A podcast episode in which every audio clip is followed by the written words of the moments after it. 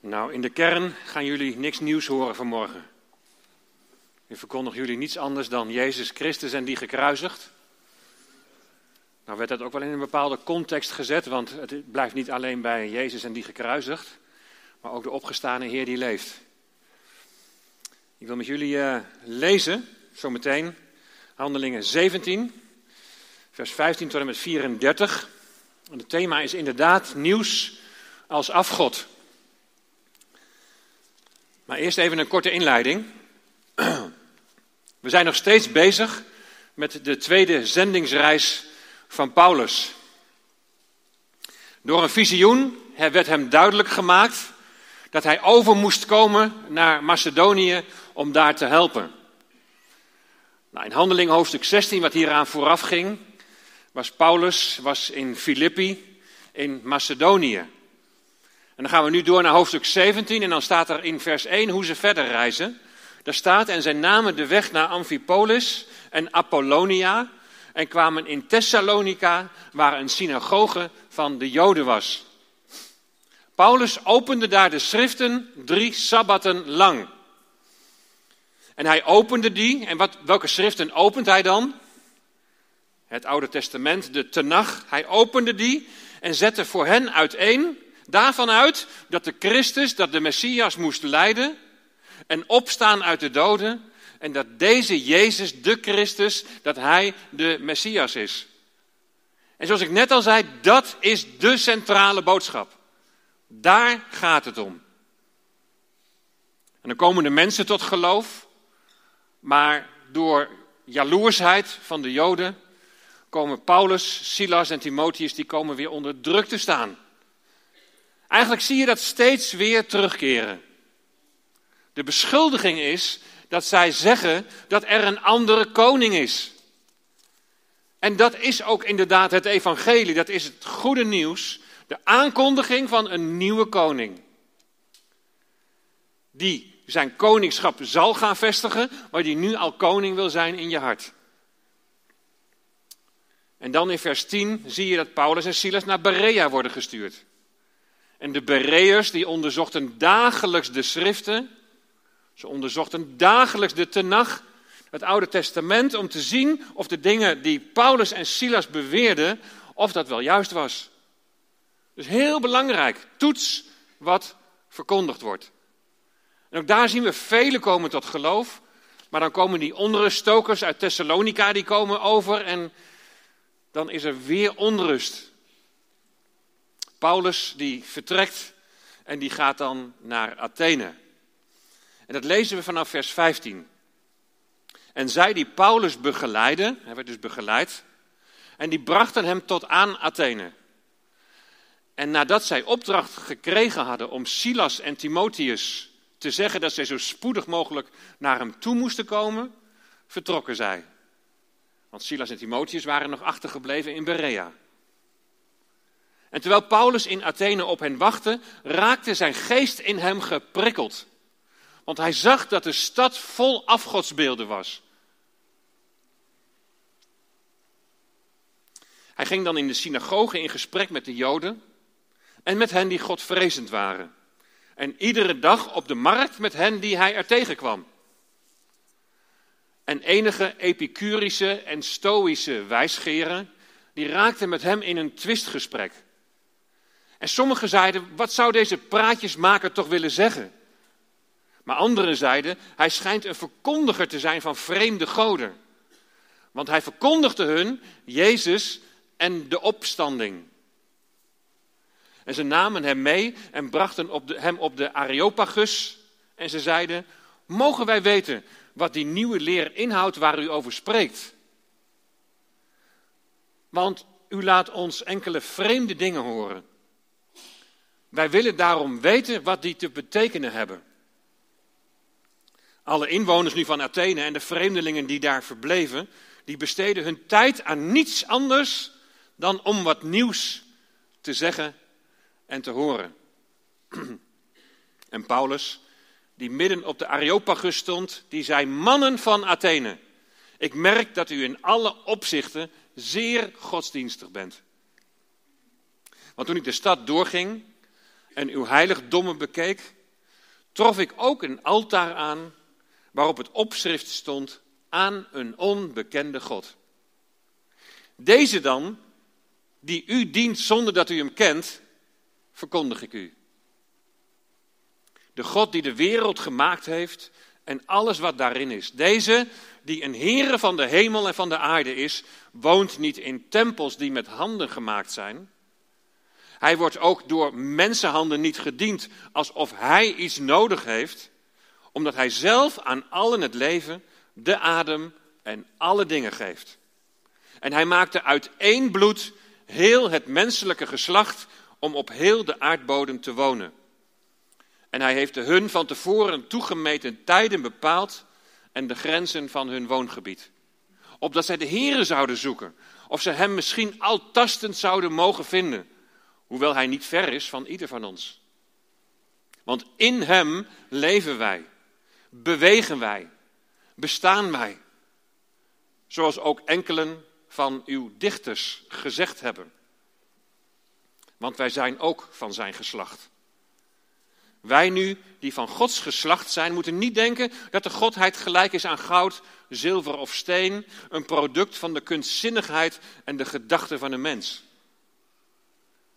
God dan verkondigt met voorbijzien van de tijden van de onwetendheid nu overal aan alle mensen dat ze zich moeten bekeren.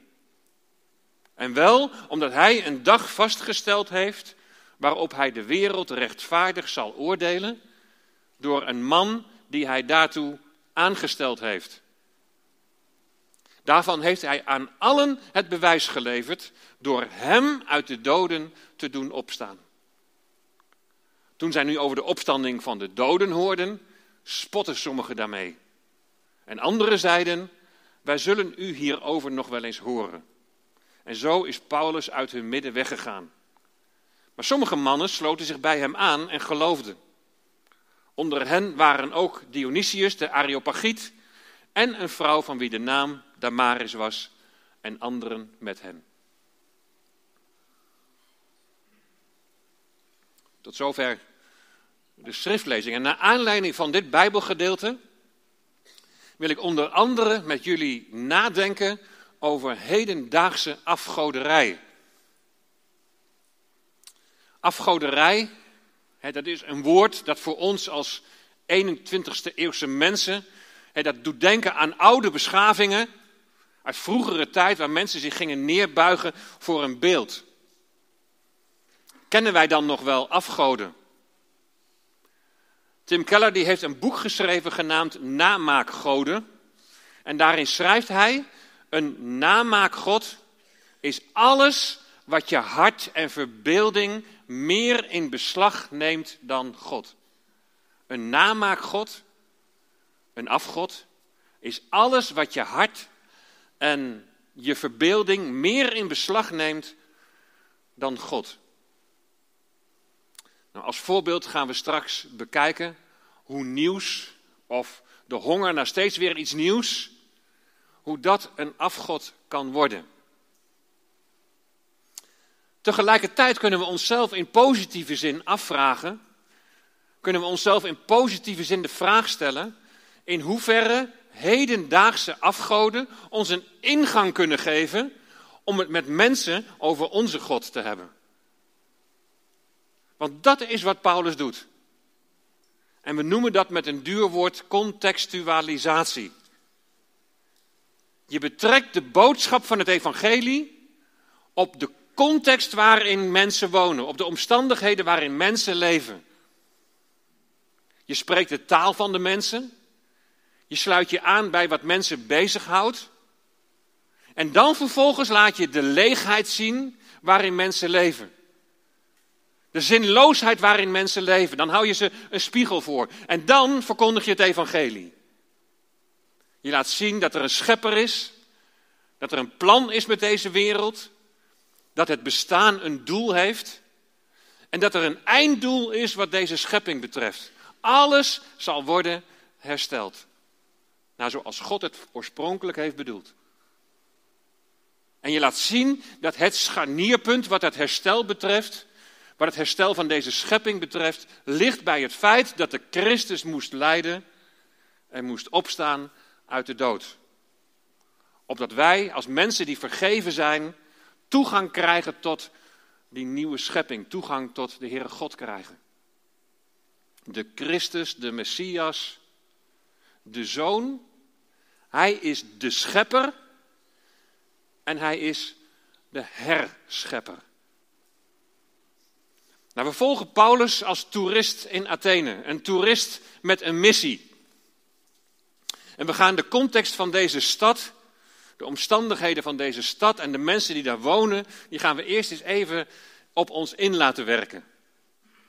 Want dan zul je de aanpak en de inhoud van Paulus' verkondiging ook beter gaan begrijpen. Waarom kiest hij juist voor deze lijn? En misschien zal er wat herkenning zijn als je iets hoort over die context van Athene. En als dat niet zo is, dan hoop ik in ieder geval dat je het belang gaat inzien van hoe belangrijk het is om zelf ook eens na te denken van in welke context leven wij? Wat houdt mensen bezig? In welke omstandigheden leven ze? Waar ontdek je leegheid? En waar ontdek je zinloosheid? En, en welk alternatief heb je dan te bieden? Sightseeing Athene. In de eerste eeuw had Athene al geen politieke macht meer. Het was min of meer een museumstad. Het was nog wel een cultuurcentrum. Uit heel de Grieks-Romeinse wereld kwamen mensen naar Athene toe om te studeren. Van het oude Athene is alleen de Acropolis, het religieuze centrum, is bewaard gebleven. Daar waar het 12 meter hoge beeld van Athena Parthenos stond. De maagdelijke Athene, de beschermgodin van, van de stad. En daarnaast was er een tempel aan de godin Nike gewend, gewijd. Nike betekent overwinning. Dan weet je gelijk waar de naam van de sportkleding aan is ontleed. Daar heb je al het eerste teken van afgoderij in deze tijd gevonden. Want Nike is verbonden met, met, met topsport. Nike is een van de sponsors bijvoorbeeld van het Nederlands elftal. Nou, topsport staat natuurlijk bol van afgoderij. Sportmannen en vrouwen worden idolen. Idolatry betekent afgoderij. Het transfers en salarissen binnen het voetbal die gaan om absurde bedragen. Geld is macht. Je kunt een elftal kun je kopen. Afgelopen week nog heeft de kroonprins van Saoedi-Arabië Newcastle United gekocht voor 350 miljoen. Een speeltje om, uh, om zijn eigen imago wat op te vijzelen. Even een vraagje voor de voetballiefhebbers. Gewoon om voor jezelf eens even over na te denken. Spreek je met dezelfde passie met mensen over de Heer Jezus als je met passie over Messi of Ronaldo spreekt? Ik hoop dat je met meer passie over de Heer Jezus spreekt. Athene, een stad vol afgodsbeelden, hebben we gelezen. Je zou ook kunnen lezen, de stad is een en al afgodsbeeld. Het is helemaal in de greep van afgoderij, in de greep van duisternis, in de greep van Satan. En Paulus die gaat zoals gebruikelijk op de Sabbat naar de synagoge en door de week is hij op de markt, op de Agora te vinden. En Paulus die gaat daarmee in de voetsporen van Socrates. Socrates uit de vijfde eeuw voor Christus, die van het discussiëren op de markt zijn, zijn dagelijks leven heeft gemaakt. Socrates, de grondlegger van de filosofie. Van Socrates kun je dus zo de lijn doortrekken naar Paulus. Dan kun je zo de lijn doortrekken naar Sipke en Simon en Rob en Ingrid, die hier op de markt staan om het evangelie te verkondigen om te evangeliseren. Maar wat verkondig je dan? Ik had het er gisteren met Sipke nog zo even over. Gewoon om van elkaar te leren van, hey, hoe spreek je mensen nou aan? En wat is de context waarin wij dan nu op dit moment leven? Ben je net als Paulus goed op de hoogte van de omstandigheden waarin mensen leven? Wat hun gedachtegoed is en, en wat hen bezighoudt? Wat zijn filosofieën, wat zijn thema's van onze tijd? Wat zijn de afgodsbeelden van onze tijd? Nou, ik heb er al een paar genoemd. Sport, geld, macht. En, en hoe haak je daar dan op in met de boodschap van het evangelie? Nou, in de tijd van Paulus zijn er twee filosofische hoofdstromingen. En die hebben een grote invloed op het denken van de mensen. En wat invloed heeft op het denken van de mensen, heeft ook invloed op hun handelen. Hoe de mensen in het leven staan. Je ziet die twee stromingen in vers 18. De Epicuristen en de Stoïcijnen. Nou, waar signaleer je nou leegheid en zinloosheid? Laten we eerst maar eens kijken naar Epicurus en zijn volgelingen, de Epicuristen. In 306 voor Christus kocht Epicurus in Athene een tuin. En in die tuin, daar ging hij wijsbegeerte doseren. En zijn volgelingen worden hen die van die tuin zijn genoemd. En de leer is als volgt. Epicurus stelt dat de wereld begon in een regen van atomen. En die kwamen voortdurend met elkaar in botsing en zo ontstond het heelal. Je ziet dus een beetje overeenkomsten met de Big Bang, met de evolutietheorie. Het heelal, de wereld, het is één groot toeval. Nou, waar zie je de leegheid? Nou, je ziet dat er, wat de wereld betreft, wat hen betreft, er geen ontwerp is. Geen ontwerp vooraf en het heeft ook geen enkel doel. Dus de vraag is dan, ja, waarom leef je dan? Nou, het hoogste doel van de Epicuristen is helemaal gericht op het hier en nu. Epicurus die stelde genot, gelukkig zijn als hoogste levensdoel. En dat genot, dat is een leven in innerlijke rust, pijn vermijden en niet gestoord worden door angsten of verlangens. En een van die angsten is volgens hem religieuze angst. Hij verzette zich tegen de volksreligie, die naar zijn mening voor het grootste deel voortkwam uit de vrees voor de straf van goden. En de mens moet zich volgens Epicurus van dit idee bevrijden om te komen tot duurzame innerlijke rust. Hij ontkende het bestaan van goden niet, maar in zijn idee hebben ze geen enkele betrokkenheid bij de levens van mensen. Nou, wat is de leegheid? Je staat er alleen voor. Alle kaarten moet je zetten op het leven hier en nu. Want hierna is er niks meer. Alles wordt gedaan om lijden te voorkomen, terwijl we weten dat dit onmogelijk is. En genieten op zich, daar is natuurlijk helemaal niks mis mee. Maar het is hier wel heel sterk afhankelijk van de omstandigheden en het is hier wel heel sterk beperkt tot het hier en nu. Wat een zinloos bestaan. Wij vinden onze vreugde, tenminste als het goed is, vinden wij onze vreugde in het kennen van de Heer Jezus Christus. Hij die ons lief heeft. Hij die ons perspectief geeft op een herstelde schepping. Waar geen pijn en geen verdriet, waar geen lijden meer zal zijn.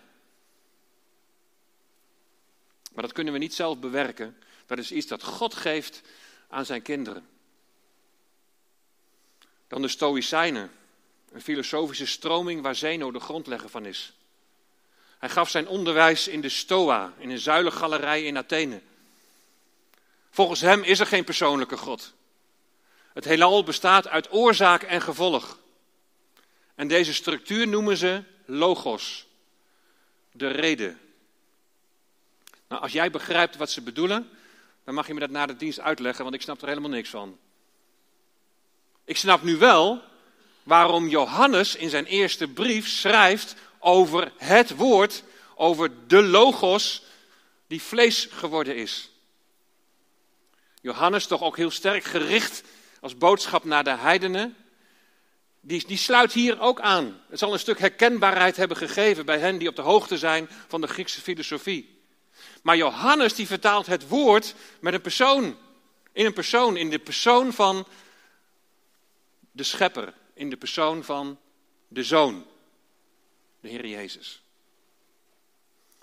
Nou, het hoogste doel bij de Stoïcijnen ligt in het doen van het goede. Plichtsbetrachting, rechtvaardigheid. De mens heeft een taak in de samenleving. Hij moet zich waar mogelijk inzetten voor de publieke zaak, dus geen teruggetrokken leven leiden. Daar is op zich natuurlijk ook helemaal niks mis mee. Misschien moeten wij dat nog wel ons meer ter harte nemen en ook doen. Maar het is leeg en het is zinloos als je dat niet doet vanuit je relatie met God. Stoïcijnen geloven dat de mens zich moet neerleggen bij zijn lot. Het lot dat door goden is bepaald.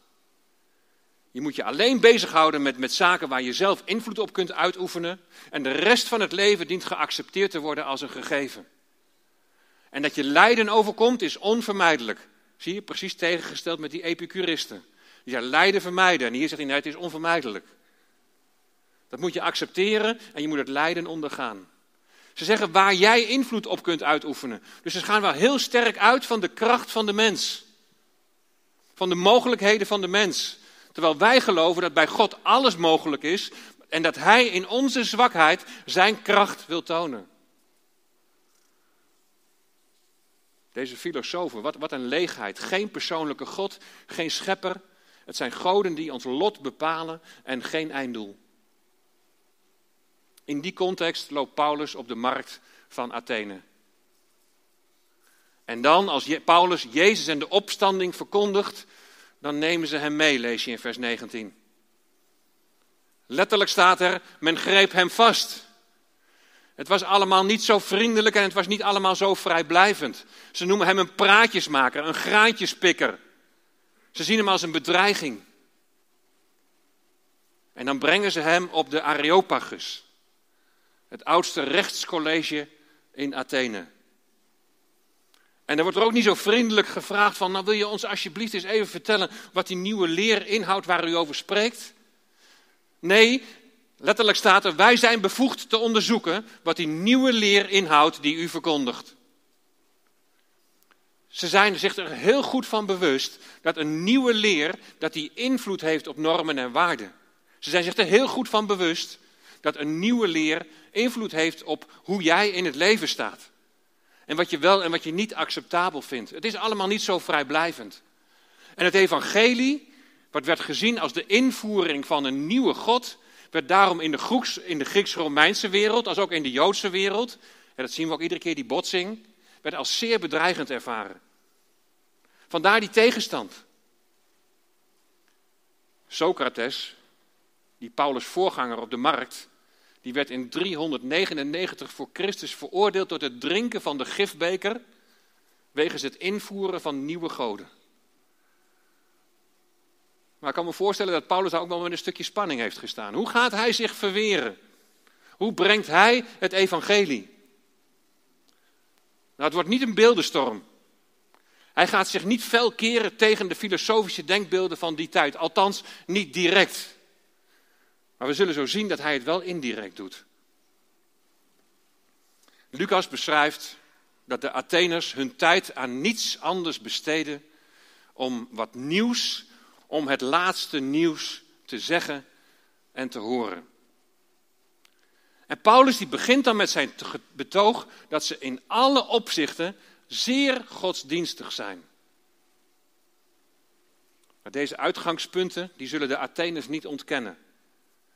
Ook al zegt Paulus het wellicht wat op een cynische manier. Zie je, Paulus die sluit aan bij hun wereld. Jullie zijn zeer godsdienstig. Zo kunnen wij ook zeer godsdienstig zijn zonder echt een relatie met de Heer Jezus Christus te hebben. Paulus sluit aan bij hun wereld en hij houdt ze een spiegel voor. Ook zoekt hij aansluiting bij hun eigen heiligdommen. En dan wijst hij op een altaar waarop het opschrift stond aan een onbekende God. Voor de Atheners was een onbekende God wel een God die voor hen bestond, maar een God die ze nog niet of nog niet kenden.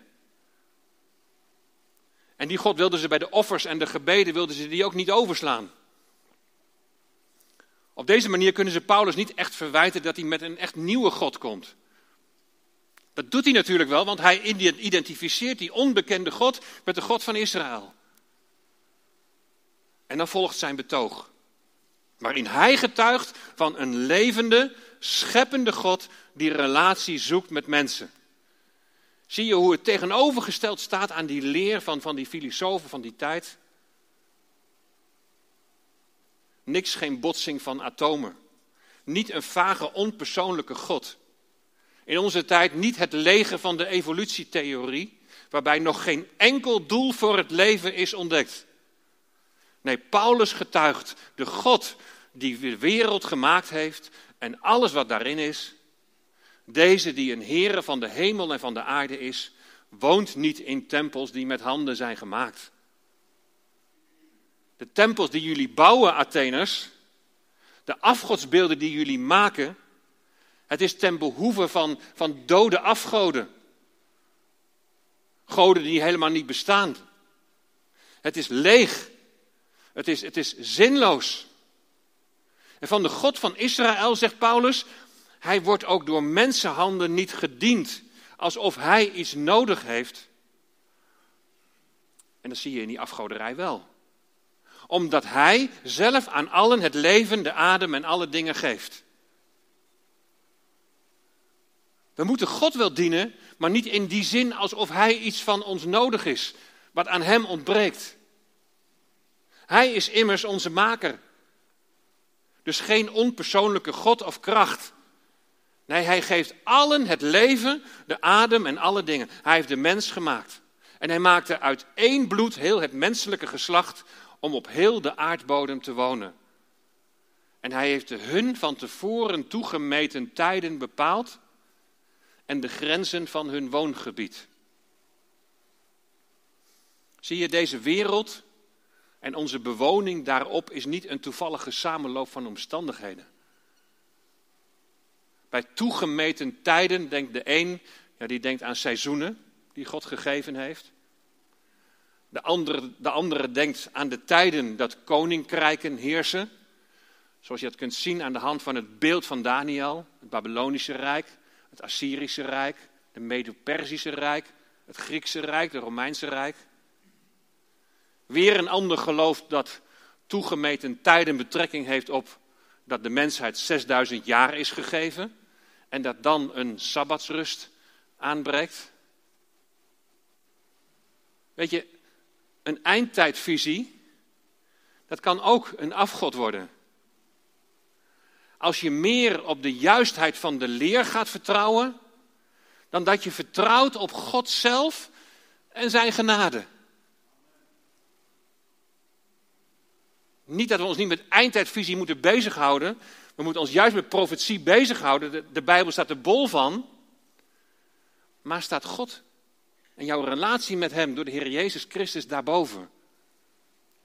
Waar het uiteindelijk om gaat, lezen we in vers 27. Opdat zij de Heere zouden zoeken, of zij Hem misschien altastend zouden mogen vinden, hoewel Hij niet ver is van ieder van ons. Zoek de Heere en leef, riepen de profeten in het Oude Testament. Het doel van Gods handelen is relatie. Daar blijft Hij de mens toe roepen. Want, vers 28, in Hem leven wij, bewegen wij ons en bestaan wij.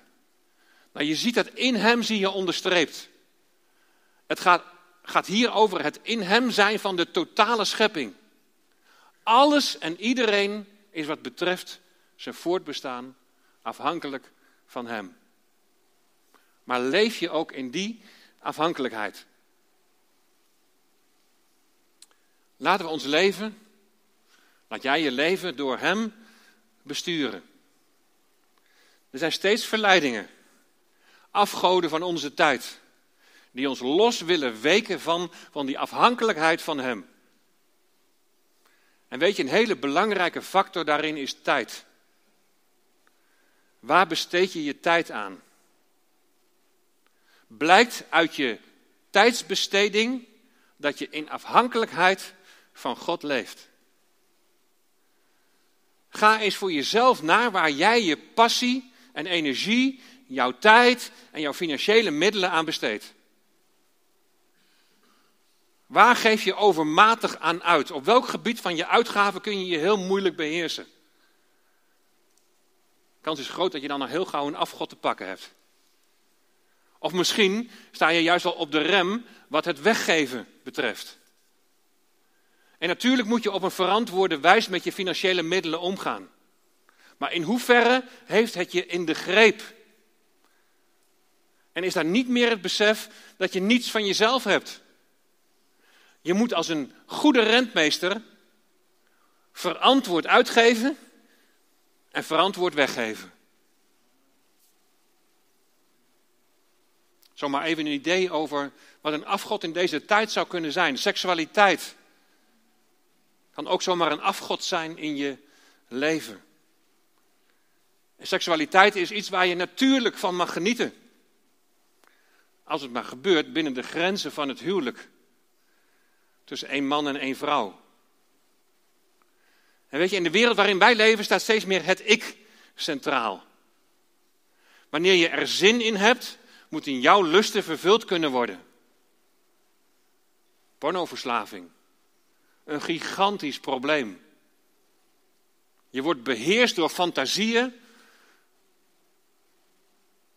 En je drijft steeds verder af van je relatie met God. Je afhankelijkheid van Hem. Er wordt dan wel niet fysiek neergebogen voor een beeld, maar wel voor geld, voor seks en macht. De afgoden van deze tijd. Aan het begin van deze overdenking heb ik nieuws als afgod uh, genoemd. In vers 21 zie je dat in relatie tot tijd die je daaraan besteedt. In vers 21 staat: Alle inwoners nu van Athene en de vreemdelingen die daar verbleven, besteden hun tijd aan niets anders dan om wat nieuws of het laatste nieuws te horen. Ik herken bij mezelf al een beetje dat spanningsveld. Hoe ga ik om met, met nieuws? Nieuws luisteren en nieuws opspeuren van wat speelt er is voor mij belangrijk. Ik wil weten wat er leeft. Ik wil, ik wil de tijden kunnen duiden waarin we leven. Het helpt mij om te ontdekken wat mensen echt bezighoudt. Maar, ook al zijn de bedoelingen zo goed, welke plaats neemt het in? Hoeveel tijd besteed je eraan? En hoe onderscheid je nu wat waar is en wat fake nieuws is? En je kunt naïef zijn, dat je alles gelooft wat in het nieuws maar naar je toe komt. Of, of je verdiept je helemaal niet in het nieuws en je vindt het allemaal wel best. Je kunt ook heel hongerig op zoek zijn naar nieuws, naar nieuwsfeiten, die vooral je eigen denkbeelden bevestigen. Zie je wel?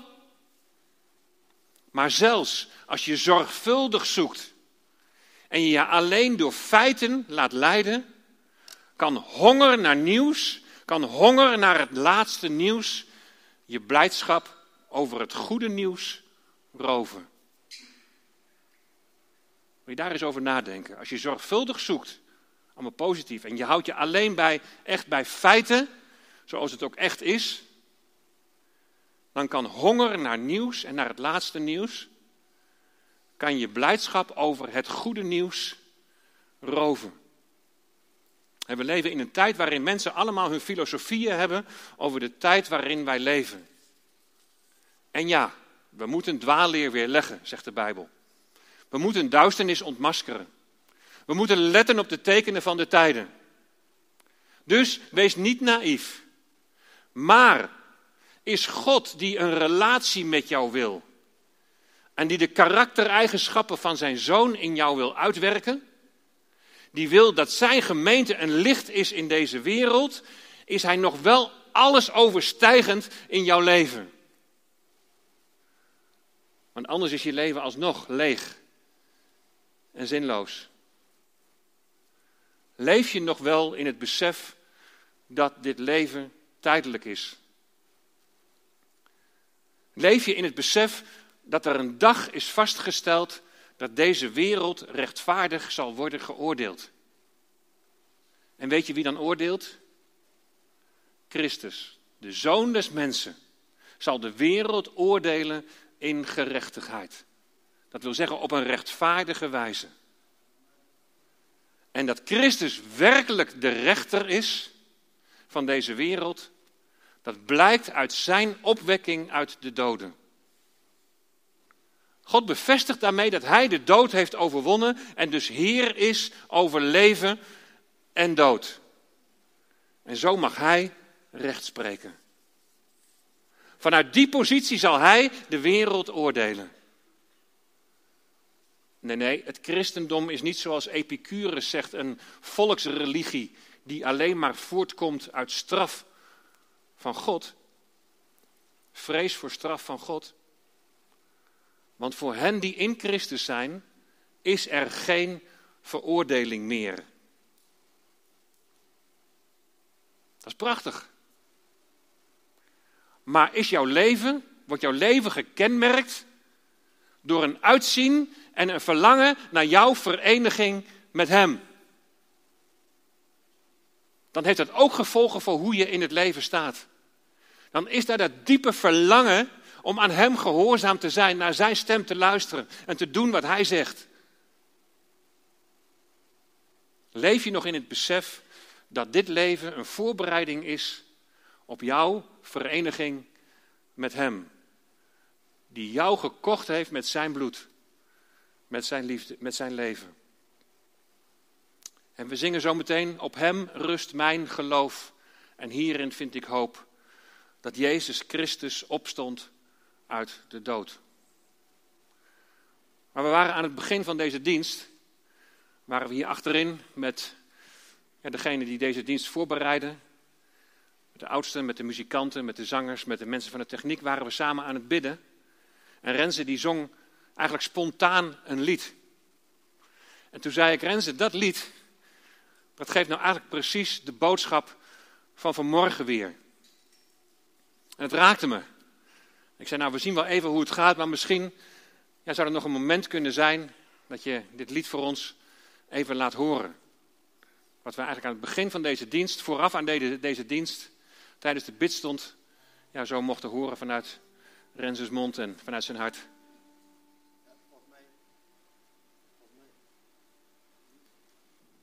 Ja, volgens mij kennen we hem allemaal uit, uit ons hoofd. Het is heel kort. Uw lieflijk aangezicht wil ik altijd voor mij zien. Dit vraag ik u. Mijn diepst verlangen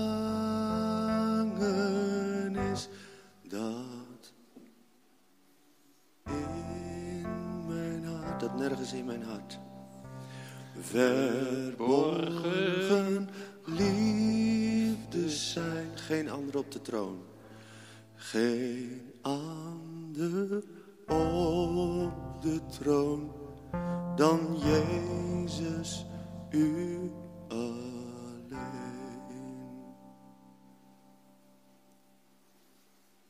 Dat er geen verborgen liefde zijn, dat er geen afgoden zijn, maar Jezus op de troon. Op Hem rust mijn geloof en hierin vind ik hoop. Dat Jezus Christus opstond uit de dood. Dan is genot is niet het vermijden van lijden, maar dan ligt genot, dan ligt vreugde in het kennen van je Heer. En we zingen zo meteen, geen vreugde overtreft het kennen van mijn Heer. Geen vreugde overtreft het kennen van mijn Heer. En aardse rijkdom heeft geen waarde meer. Ja, ja. Mooi om te zingen. Maar is dat ook werkelijk wat in je hart leeft? We leven nog in het vlees. En afgoden zullen verleidingen blijven. En hoe dan? Hoe dan dicht blijven bij Hem? Weet je wat we ook zingen? Ons leven is gekruisigd met de Heer. In Colossense 3, vers 5, daar staat: Laat dus wat aards in u is afsterven. Ontucht en zedeloosheid, hartstocht, lage begeerten en ook hebzucht. Want hebzucht is afgoderijen. Afsterven, dat is alleen mogelijk als je dicht bij de Heer leeft. Toen stond ook weer in dat lied van zijn aangezicht. Ja, uw lieflijk aangezicht, dat wil ik altijd voor mij zien. In je leven op Hem gericht zijn. De Heer Jezus op de troon. Dit is alleen mogelijk als je dicht bij de Heer leeft, als je Hem zoekt, als je op Hem vertrouwt en als Hij het allerbelangrijkste nieuws is in je leven. Alles overstijgend. Amen.